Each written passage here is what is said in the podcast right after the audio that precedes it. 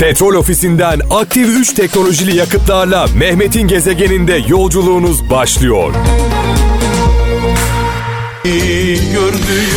Kral FM'i kral yapan sanatçılarımız ve şarkılar. Her şarkı 10 şarkı gücünde sevgili kralcılar. Ee, 26 yıl oldu Kral FM'de. Ee, malum biliyorsunuz dün akşam veda ederken de söylemiştim. 28 Mayıs'ta ben hep 29 olarak biliyordum. En sonda annemle babam son noktayı koydular. Babamla konuştum. Babam dedi ki benden daha mı iyi bileceksin dedi. Annem dedi ki benden daha mı iyi bileceksin. Dolayısıyla amcam 29 diyordu. Son e, noktayı babamla annem koydular. 28 Mayıs'ta doğmuşum. 28 e, Mayıs'ta 50 yaşına girdim. 50 yaşın hüznünü yaşıyorum. Öncelikle bunu söyleyeyim. Ve Kral FM'de 26 yıldır 1993'ten beri e, sizlerle beraberim. E, 26 yıldır geldiğim günden bugüne bu şarkıları çalıyoruz ve en ufak bir bıkkınlık yok. Çaldıkça daha çok seviyoruz. Bu şarkılarla büyüdük, çocuklarımız doğdu, onlar büyüdüler, onlar şu anda dinliyorlar bu şarkıları. E, dolayısıyla çaldığımız sanatçılarımız ve şarkılarımız Kral Efem'i kral yapan bu değerli sanatçılar bizim annelerimizin, babalarımızın, abilerimizin, ablalarımızın şarkıları ve kıymetli. Şimdi dün e, veda ederken sevgili kaptanla birlikte e, sevgili kralcılarımıza, gezegen hayranlarına e, kitap göndereceğim demiştim. Hayatımı yazdığım kitapları göndereceğim demişti, demiştim. Sadece bir şart e, ortaya koymuştum. Benimle ilgili ilginç bir anı varsa bir an yani öylesine göndermeyelim bir anlamı olsun demiştim. Ee, onlardan bazılarını hemen okuyacağım size. İstanbul'dan Hatice Yıldız diyor ki yıllardır sizi keyifle dinliyorum. Gülhane konserine gelmiş ve sizinle o heyecanı orada paylaşmıştım diyor. Bu benim için unutulmayacak bir andır. Tabii Kral FM için de bir milattır. Ee, Gülhane konseri Kral FM organize etti. İstanbul'a 50 bin ağaç etkinliği çerçevesinde başta Ferdi abimiz olmak üzere e, rahmetli İbrahim Erkal, e, Azer Bülbül, rahmetli mekanı cennet olsun, e, Cengiz Kurtoğlu, saygı ve sevgilerimizi iletiyoruz. Sinan Özen, birbirinden değerli sanatçılarımız ücret almadan gelmişti. Hatırlayın o günleri. 95-96 yıllarıydı e, yanlış hatırlamıyorsam. E, Sayın Cumhurbaşkanımız o zaman belediye başkanıydı. Hatta o akşam bir yağmur yağmıştı. Acaba yağmurdan dolayı iptal olacak mı diye bir telefon konuşması yapmıştık. Ee, Sayın e, Erdoğan'la e, o zaman belediye başkanı demiştim. E, ben de kendisine şunu söylemiştim. Başkanım burada iğne atsanız yere düşmez izdiham var. Dolayısıyla yağmur kar fark etmez gelin demiştim. Ve unutulmaz bir an yaşamıştık Gülhane Parkı'nda. E, bu görüntüleri merak edenler varsa benim YouTube kanalımda Gezegen Mehmet YouTube kanalında e, bu görüntüler var. Merak edenler için Ferdi abimiz de Gülhane'yi tabiri caizse sallamıştı, yıkmıştı adeta. Ee, bizim yaşımızda olanlar için Gülhane konserlerinin yeri, tadı başka. O gün oraya gelen on binlerce kralcımıza sonsuz teşekkürler. Onlardan bir tanesi de Hatice Yıldız. Ee, bu anısını, bu anekdotu bizimle paylaşarak e, kitabı kazandı. Gönderiyoruz. Hadi bakalım. Gezegen. Kurulduğu günden itibaren inanılmaz bir ilgi vardı. E, iki tellideydi e, yayın e, stüdyomuz sevgili kralcılar. Her gün kapıda bekleyen insanlar vardı bizi. E, kral çalışanlarını sadece kendimle ilgili konuşmuyorum. E, diğer arkadaşlarım da aynı şekilde çok popülerdik. Yalnız sokaktaki karşılığımızı bilmiyorduk ve ilk kez Gülhane Parkı'nda bir e, organizasyon yaptık. Hatta unutmadığım bir an vardı hep anlatırım bunu. Ben o zamanlar sabah yayını yapıyordum. Saat 7 ile 12 arasında 5 saat boyunca. Afrikalı Ali'ye dedim ki Ali'cim bir e, akşam Gülhane konseri var. Kral Efem'in organize ettiği İstanbul'a 50 bin e, ağaç şenliği adı altında. E, Ali'cim bir git de bak dedim yani oradan bir canlı bağlantı yapalım. Saat 10-11 civarı Afrikalı Ali Gülhane Parkı'na gitti. Konser de yani 11 öğlen e, sabah 11'de Ali Gülhane Parkı'nda konser 19'da 20'de yani konserin olmasına daha 10 saat var. Ali ile canlı bağlantı yaptık. Ee, Ali dedi ki abi dedi burada dedi şu an oturulacak yerleri tamamı dolmuş. İnsanlar sevgili kralcılar sabah saat 10'dan itibaren e, Gülhane Parkı'nı doldurmuşlardı. 10 saat öncesinde saatlerce beklediler e, ve inanılmaz bir coşku yaşadık. E, kralın karşılığını gördük orada. On binlerce insan bizimle beraberdi. E, bu görüntüleri merak edenler varsa bende böyle bir arşivcilik hastalığı var. Ne var ne yok hepsini toplarım. Allah'a şükür teknoloji gelişti. E, Gezegen Mehmet YouTube kanalında bu görüntüler mevcut. Yalnız bana fazla bakmayın gerçekten ben bile kendime dayanamıyorum o hallerime gözümde gözlük saçlar kıvırcık protest taşlarım ee, ama güzeldi samimiydi ee, olağanüstü güzellikteydi küçük İbo o zaman gerçekten küçüktü ee, kucağımızda gezdiriyorduk evet tabii biraz önce isimleri sayarken Hakan Taşıyan'ı unuttum ona da buradan selam ve sevgilerimi iletiyorum. Şimdi burada e, Hollanda'dan Neşet Yücetaş diyor ki 1996 yılında sizi dinlemeye başladım. Gurbetçi olarak demiş dinliyorduk. Bize gösterdiğiniz özen ve önem özellikle gurbetçilere gösterdiğiniz özen ve önem kendi adıma burada ayakta durmama ve yalnız hissetmememe sebep oldu. Hayatımızın bir parçası oldunuz. 23 yıldır sizlerle beraberim. Hiç kopmadım. E, bu yüzden kitabınızı hak ediyorum demiş sevgili kardeşimiz Neşet Yücetaş. Ve o günlerde dinleyen kralcılarımız, ergen olan kralcılarımız, 16-17 yaşında olanlar şu anda torun sahibi oldular. Artık torunlarıyla birlikte dinliyorlar bizi. Gezegen. Çok erken ayrılan Müslüm babamızı rahmetle, saygıyla, duayla anıyoruz. Nurlar içinde yazsın. Allah'a şükürler olsun ki yaşarken kıymetini bildik. Baş tacı yaptık babamızı. O bizi sevdi, biz onu sevdik. Nurlar içinde yazsın. Almanya'dan Nuray Demir diyor ki 1993 yılından bu yana kralcıyım. Nuray Demir Almanya'dan 93'ten bu yana kralcıyım. O dönemlerde yapmış olduğunuz gece yayınlarını dinleyebilmek için 1300 mark verip çanak anteni taktırmıştım. Eşimden ayrıldığım yıllarda e, yayınlarınız hayata bağladı, ışık oldu demiş bana sevgili Nuray Demir. E, artık çok kolay biliyorsunuz. Dünyanın her yerinde akıllı telefonunuz varsa eğer akıllı telefonunuz varsa çok basit. Kral uygulamasını indiriyorsunuz.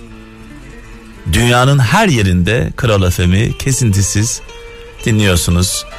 Ee, buradan Nuray Demir'e ve o günlerde çanak anten alıp da uydu anteni alıp da büyük paralar veriyorduk o zamanlar.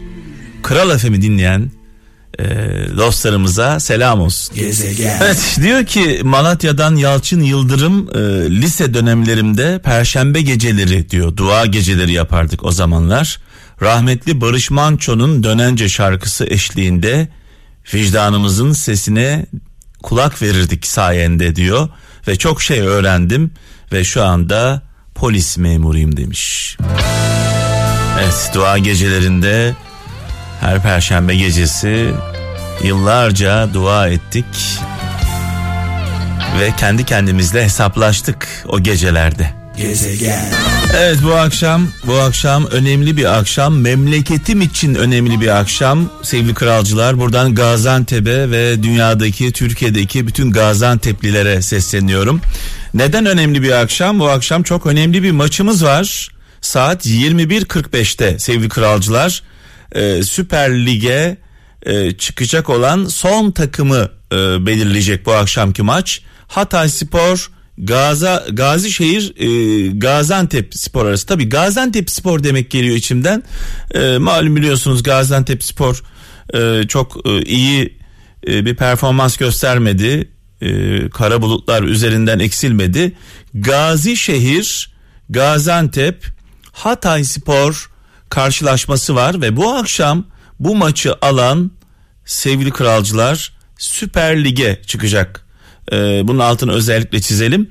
Ee, tabii ki e, ben bir Gaziantep'li olarak kalbim, dualarım e, Gaziantep'le ama her şeyden öte iyi oynayan, hak eden kazansın diyorum.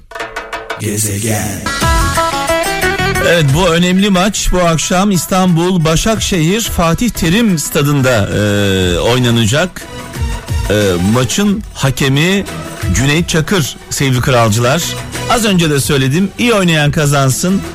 Ama bir Antepli olarak Antep'in e, Süper Lig'de olmasını canı gönülden istiyorum. Gezegen. Tuncer ailesi beni dinliyorlar. Buradan onlara selamlarımı, sevgilerimi iletiyorum. Işıl ablama, Işıl Tuncer, sevgili Gizem, Gizem Tuncer. Gizem şu an büyük bir ihtimalle oynuyordur. evet Mahmut abim, benim canım Mahmut abim. Mahmut Tuncer. Ee, kendisiyle 80'li yıllarda karşılaşmıştık. Nasıl karşılaştık? Gaziantep'te sevgili kralcılar Luna Park'ta konseri vardı. Binlerce insan Mahmut Tuncer'i izlemeye gelmişti. Ben de o binlerce insanın arasındaydım. El sallıyordum orada. Ee, Mahmut abi bizim canımız. Ee, Işıl ablamız aynı şekilde sevgili Gizem ve Tuncer ailesi. Benim hanım e, misafirliğe gitmiş. Komşu sayılırız bu arada. Ee, ablacım bayramda buradayız görüşeceğiz inşallah. El öpmeye geleceğiz. Haydi bakalım. Gezegen. Evet Ramazan ayı biliyorsunuz aynı zamanda sevgili kralcılar e, yardım ayı, paylaşma ayı e, artık bir gelenek haline gelen bizim için bir gelenek olan ve Kral Efem'in kurulduğu günden bugüne her zaman e, işbirliğimizin devam ettiği İHH İnsani Yardım Vakfı Genel Sekreteri e, Durmuş Aydın şu an hattımızda. E, biz ilk günden beri hep kol kola omuz omuza yürüyoruz. E, bağlantılarımızı koparmıyoruz. İHH e, bu bayramda da çok önemli faaliyetler yaptı ve yapacak. E, Sayın Durmuş Aydın şu an hattımızda. Efendim iyi akşamlar. İyi akşamlar teşekkür ediyorum. E, kaç yıl oldu İHH kurulalı? E, İHH faaliyetlerini tam 27 yıldır devam ettiriyor. Yani çeyrek asırı aşkın bir zaman. 27 yani, yıldır evet. yani evet. Kral FM'le birlikte kurulmuş aslında bir anlamda. evet, ben de 26 yıldır burada program yapıyorum. Kral FM'de 26 buçuk yıldır 27 yıldır e, hayatımızda. Kaç ülkede faaliyetiniz var? Biz İHA İnsan Yardım Vakfı olarak şu anda dünyanın kolduğumuzdan bugünün bugüne kadar 150'den fazla ülkede çalışma yürütüyor. 150 e, ülkede çalışma yürütüyorsun. Biraz telefona yaklaşır mısınız? Sesiniz net gelmiyor. Tabii şu anda nasıl? Ha, şu an daha iyi. Siz daha iyi anlamak istiyoruz. Biz de Kral FM olarak 150'nin üzerinde ülkede e, dinleniyoruz. Burada zaman zaman internet üzerinden görüyoruz nerelerde dinlendiğimizi. Yani ortak kaygılarımızın olduğunu düşünüyorum e, Durmuş Bey. E, bu Ramazan'da neler yaptınız? Bayram sonrasında bayramda neler yapacaksınız? Yarın da e, Kadir Gecesi aynı zamanda. Allah kabul etsin şimdiden dualarımızı. E, Ramazan boyunca neler yaptınız? Bayramda neler yapacaksınız? Evet e, bildiğiniz gibi İHA İnsan Yardım Vakfı uzun yıllardır Ramazan çalışmalarını devam ettiriyor. Bu evet. bağlamda yine bu sene 120 ülke ve bölgede Ramazan faaliyetlerimizi yürüttük. Kumanyalarımızı dağıttık ve ihtiyaç sahibi özellikle savaş bölgelerinde, yoksul bölgelerde ve afet bölgelerinde çalışmalarımızı devam ettirdik. Hamdolsun hem iftar sofralarımızla hem yetim çocuklarımızla bayramlık kıyafetlerimizle hem de yaptığımız kumanya dağıtımlarıyla Türkiye'de hayırseverlerimizin bütün yardımlarını o bölgelere ulaştırmış olduk. Evet. Allah şükürler olsun şu anda e, hali hazırda ekiplerimizin neredeyse tamamen hepsi geri döndüler. Çalışmalarını bir anda tamamlamaya çalışıyorlar. Bazı ekiplerimizin e, özellikle Suriye bölgesindeki çalışmalarımız devam ediyor tabii doğal olarak. E, ama bazı ülkelerdeki çalışmamızın çoğu tamamlandı ve arkadaşlarımız şu anda diğer çalışmalar için hazırlıklara başladılar. Genel ekiplerimizin şu anda raporlarını okuyoruz, raporlarını değerlendiriyoruz e, bu raporları değerlendirerek bir sonraki sene hem Ramazan'da hem de diğer e, çalışma anlamında neler yapabiliriz bunları inceliyoruz şu anda. Evet. Fakat şunu söylemek lazım. Tabii e, hali hazırda Ramazan ayı zekatın da bağışçılarımız tarafından çok yoğun bir şekilde yapıldığı dönemler. Evet. Çünkü biliyorsunuz Ramazan ayının kendine göre has bir bereketi ve maneviyatı var. Bu bağlamda zekat da Ramazan ayının daha da önemli. İHH için İnsani Yardım Vakfı için zekat çok önemli diyorsunuz. Kesinlikle. Ee, bizim Kesinlikle. e, adeta e, e, temel direklerimizden bir tanesi. Ya tabii yani zekat dediğimiz zaman aslında bir anlamda yoksulluğun önüne geçilmesinde İslam dünyasındaki en büyük e, müesseselerden bir tanesi Evet. zekat müessesesidir. Bunu iyi Evet, bilmek lazım. evet, evet. Bu alanda İHA'da zekatların dağıtılmasında çok hassasiyet gösteren bir kurum. Yani bunu İslami usulde nasıl belirtilmişse ona göre çalışmalarını yapıp ona göre dağıtımlarını gerçekleştiriyor. Tabii e, bu anlamda biz e, bayramlık dağıtımlarını da gerçekleştirdik. Onu da söylemek lazım. E, özellikle yetimlerimize yönelik biliyorsunuz İHA İnsan Yardım Vakfı kurulduğu zamandan bugüne kadar Evet. yetim sponsorluk sistemini gün geçtikçe daha da profesyonel hale getirdi. Ve şu anda 95 bin yetimimizin sponsorluğunu yapıyoruz. 54 ülkede şu anda dünya Ve şu ana kadar birçok yardım kuruluşu ne yazık ki bazı şaibelere bulaştı. İHH ile ilgili Allah'a şükürler olsun e, şu ana kadar en ufak bir olumsuz bir şey duymadık. Yani biz bununla alakalı şunu söylüyoruz. Yani burada önemli şey şeffaflık ve hesap verebilirlik. Evet. Biz yaptığımız çalışmalarda e, yaptığımız çalışmanın nereye gittiğini, nasıl gittiğini, neler yaptığımızı bütün mecralarda resmi olsun veya olmasın fark etmez. Bütün Evet. mecralarda resmi kastım işte Vakıflar Genel Müdürlüğü'dür, dernekler daire başkanlığıdır, İçişleri Bakanlığı'dır. Buraya resmi anlamda bütün sunumlarımızı yaparız, raporlarımızı sunarız. İHA aynı zamanda hem iç denetçisiyle hem dış denetçisiyle ve uluslararası uyum çerçevesindeki standartlarıyla Evet. bunları takip etmeye çalışır. Çünkü gerçekten biliyorsunuz e, Türkiye'nin yaşadığı süreçlerde insanların güvenleri bir anlamda sarsıldı. Biz bunun sarsılmaması için elimizden gelen bütün gayreti yapıyoruz. Çünkü şuna inanıyoruz biz. İnsanlar gerçekten rızıklarından, kazandıklarından, paylaştıklarından kenara atarak bir şeyler yapmaya çalışıyorlar. Yani bu kolay değil. Yani insan gerçekten ailesini zor geçindirirken bir miktarını ayırıp e, farklı bir ülkedeki veya Türkiye'deki ihtiyaç sahibi bir insana bir şeyler yapmak için gayret sarf ediyorken bizim de aynı gayreti şeffaflık anlamında Ve sarf ederken gerekiyor. bu konuda e, mücadele ederken kandırılıyoruz zaman zaman. E, aslında hepimizin e, Durmuş Bey hepimizin yardım yapmaya ihtiyacı var. Yani hepimiz yardım yapmak istiyoruz insan olarak ama ne yazık ki doğru yerleri bulamıyoruz ço- çoğu zaman. Evet yani bu bizim gerçekten şu anda hem Türkiye'de hem dünyada yaşadığımız bir sıkıntı. Evet. Biz şunu söylüyoruz yani iyi yapan, doğru yapan herkes e, bir şekilde insanların gönüllerine giriyorlar. Evet. İnsanların gönüllerini fethediyorlar. Burada önemli olan şey şu. Bağışı yapan kişinin de sorgulaması lazım. Nereye gidiyor, ne yapılıyor, nasıl yapılıyor diye bunu sorgulanması şart. Sadece vererek bırakmak yetmez. Sorgulanması da önemli. Bu sorgulanmaya yardım kuruluşlarının verdiği cevaplar, hazırladığı raporlar, ondan sonra denetleme ile ilgili geçtiği süreçleri iyi bilmek gerekiyor. Evet. Yani bu, bu anlamda İHA uluslararası standartlara kendisini devamlı hazırlamaya çalışıyor ve düzenli olarak da bunu yürütmeye çalışıyor. Peki yardım yapmak istiyoruz. Kral ailesi olarak ben de dahil olmak üzere zekatımı, e, yardımımı sizin vasıtanıza yapmak istiyorum. Ne yapmam gerekiyor? Nasıl yapacağım bunu? Şöyle söyleyeyim mesela ilk önce mesela SMS'i kullanarak mesela fitre yazıp 4072'ye gönderirsek bir fitre bedeli olan 23 TL'yi bağışlayabiliyorsunuz. Bir diğer husus mesela iftar, kumanya ya da bayramlık kelimelerini yazarak 3072'ye göndererek 5 TL'lik bir katkıda bulunabilirsiniz. Veya e, yani zekatınızı ve diğer bağışlarınızı İHA'nın e, bankalarda bulunan kurumsal hesaplarına e, hesaplarını kullanarak yardım diye bulunabilirsiniz. İnternet sitesinden online olarak veya yakın İHA merkezlerine başvurarak yardımda bulunabilir. Bu şekilde bu imkanları kullanarak kullanarak yardımlarımızı gerçekleştirebiliriz. Evet çok teşekkür ederiz bağlandığınız için. Ee, bizim gerçekten yardım yapmaya ihtiyacımız var ama ne yazık ki e, çoğu noktada kandırılıyoruz. Ee, 27 yıldır biz sizi takip ediyoruz. Şu ana kadar en ufak bir e, olumsuz bir e, şey çıkmadı sizinle ilgili. Dolayısıyla kral ailesi olarak biz size güveniyoruz. Evet ben e, teşekkür ederim. Birkaç şey daha hatırlatmak istiyorum müsaadenizle. Buyurun.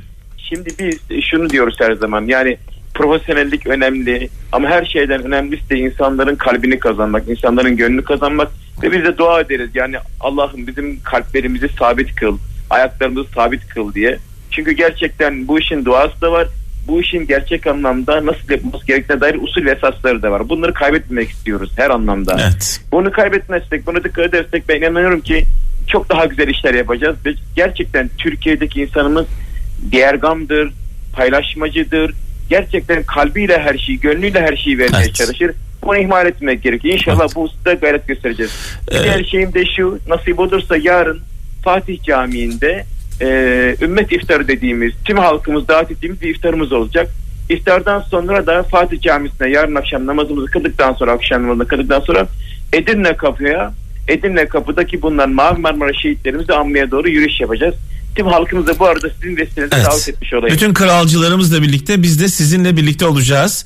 Ee, sağ ol. size çok teşe- teşekkür ediyoruz. İHH e, gönüllülerine, çalışanlarına e, çok teşekkür ediyoruz. Allah kolaylıklar versin diyoruz. Ben çok teşekkür ederim. Allah size hayırlı yayınlar nasip etsin. Sağ olun. Kolaylıklar dilerim inşallah. Evet, Cem Karaca'yı rahmetle, saygıyla, duayla anıyoruz. Büyük usta. Mekanı cennet olsun, nurlar içinde yazsın. Aynen. Ee, bir Don Kişot gibiydi değil mi? Yel değirmenlerine savaş ilan eden, yaşadığı devirde bambaşka bir tarzı, tavrı olan e, çok özel bir insan. Barış Manço gibi. Ezber bozanlardan. Aynen. Hem Barış Manço'ya hem Cem Karaca'ya buradan rahmet diliyoruz. Selam olsun diyelim. Şimdi kaptan e, bu e, internet olayı gerçekten çok güzel bir şey yani E, günümüzde bilgiye ulaşmak için inanılmaz bir kaynak. E, dün akşam YouTube'da birkaç video izledim. Buradan kralcılarımıza sesleniyorum. Hem kendiniz için hem çocuklarınız için bu tür bilgilerden uzak kalmayın. Doğu Akdeniz'le ilgili yani şu anda Türkiye'nin birinci derecede gündeminde olması gereken bir konu. Doğu Akdeniz ama biz bunun dışında her şeyi tartışıyoruz. Doğu Akdeniz'de yaşananlarla ilgili hiçbir medya kuruluşunda, hiçbir gazetede belki önümüzdeki günlerde manşetlere çıkar. Ee, sen de az önce söyledin zamanlaması manidar. Çünkü Doğu Akdeniz'de yaşananlar bugün ortaya çıkmadı. Biz bugün öğrendik.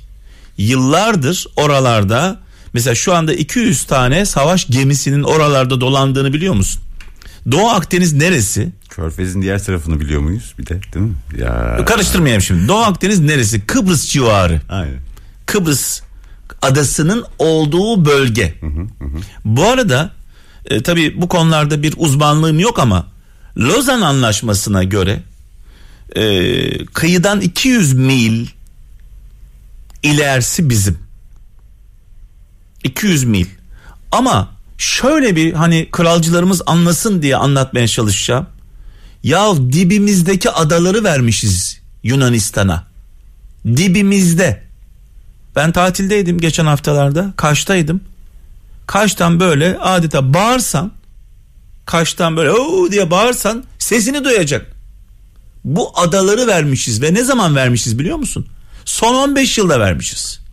Hani bu böyle 100 sene önce falan verilen bir şey değil. Son 15 yılda Kardak'la Mardak'la uğraşırken adalar gitmiş elimizden. Önemsememişiz. Adalar gidince ne olmuş kaptan?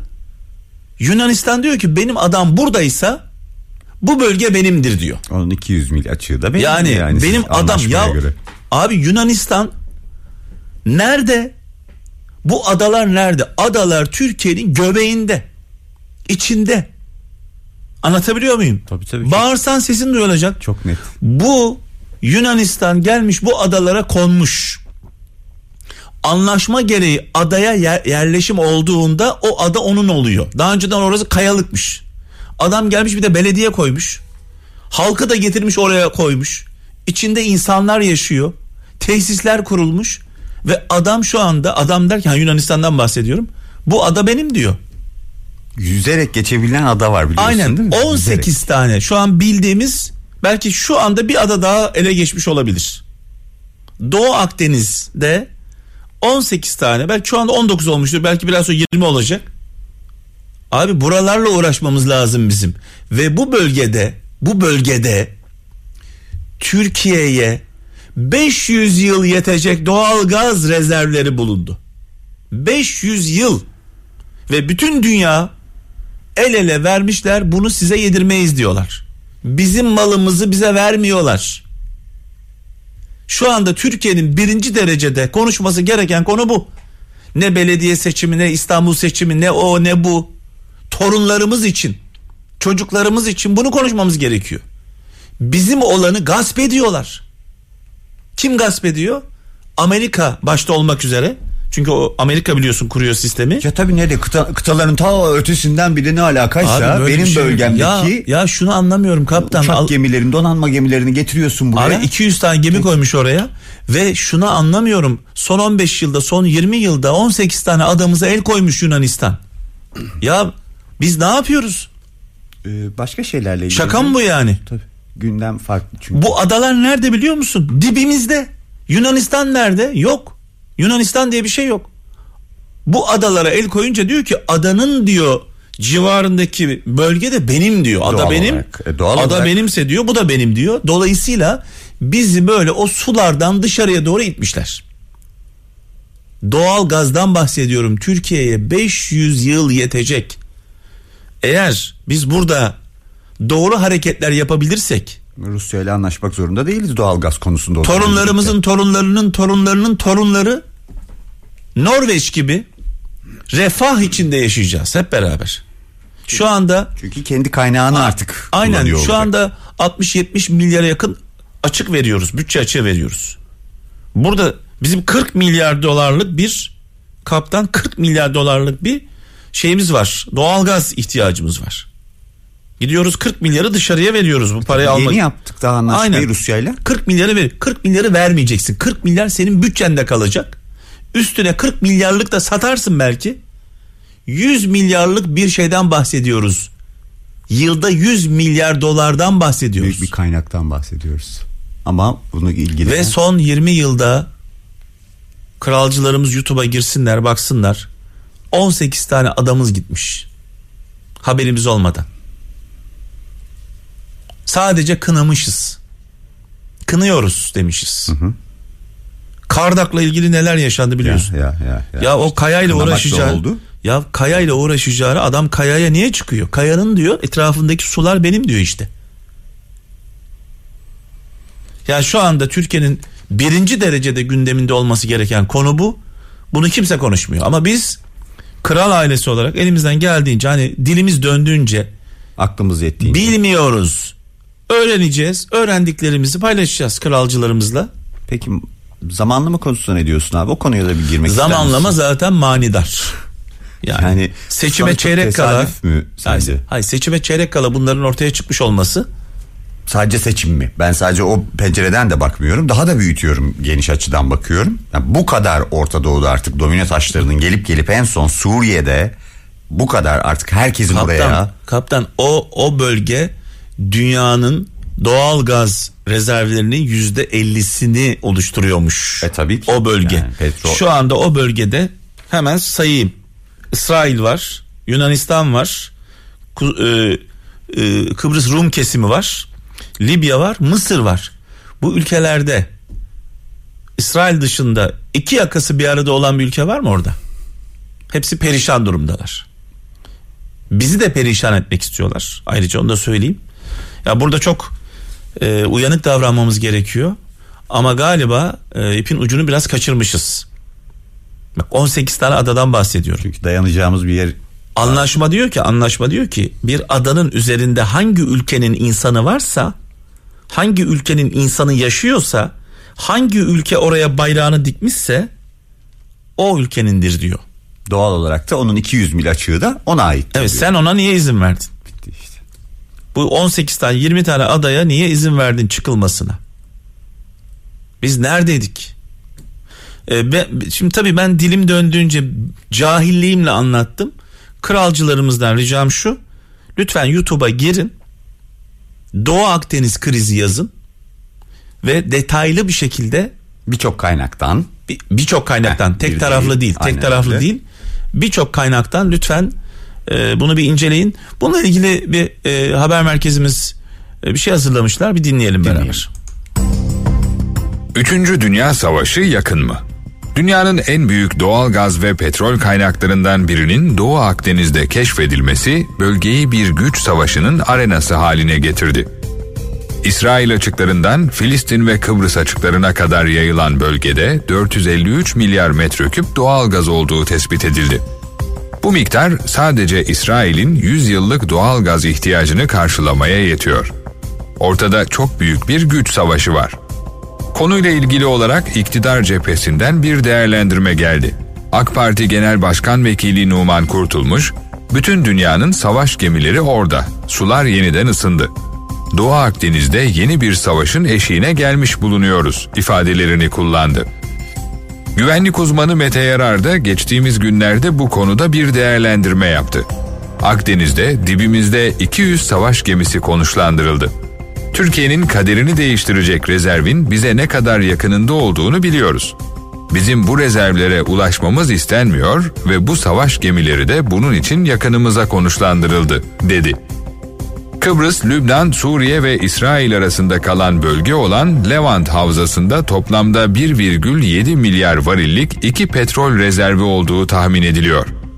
Fakat bölgenin doğal gaz zenginliği enerji devlerinin iştahını daha fazla kabartıyor. Bölgede büyük oranda deniz yatağında olan çıkarılabilir doğal gaz rezervinin 3,45 trilyon metreküp olduğu belirtiliyor. Türkiye hariç Doğu Akdeniz ülkeleri doğal gaz konusunda birleşti.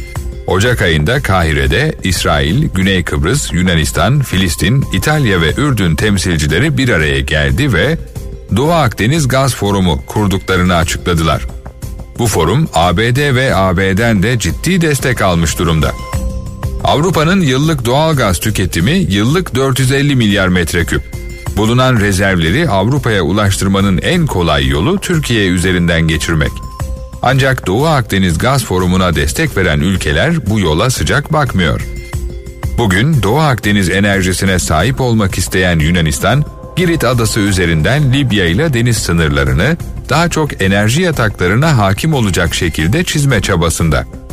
Güney Kıbrıs Rum yönetimi de Mısır ve İsrail ile anlaşmalar yapıyor. Mısır ve Libya yaratılan iç karışıklıklardan dolayı bu konuda seslerini pek yükseltmese de İsrail kaybı olsa da Türkiye'ye karşı Rum yönetimiyle anlaşmış durumda.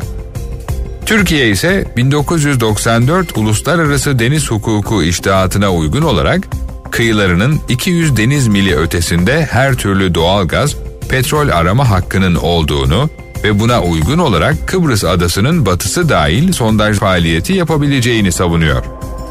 Ayrıca Türkiye, Kıbrıs'ta bir barış masası kurulmadan Rum yönetiminin diğer devletlerle yaptığı anlaşmaların geçerli olmadığını söylüyor. Türkiye'nin bölgede sondajlara başladığını açıklaması üzerine ABD Türkiye'yi Akdeniz'de provokasyon yapmakla suçladı. Türkiye'nin adımlarının bölgedeki gerilimi kışkırtma riskini arttırdığı ifade edildi. Buna karşın Türkiye geri adım atmamakta kararlı. Gelişmeler yakından takip ediliyor. Petrol ofisinden aktif 3 teknolojili yakıtlarla Mehmet'in gezegeninde yolculuğunuz sona erdi.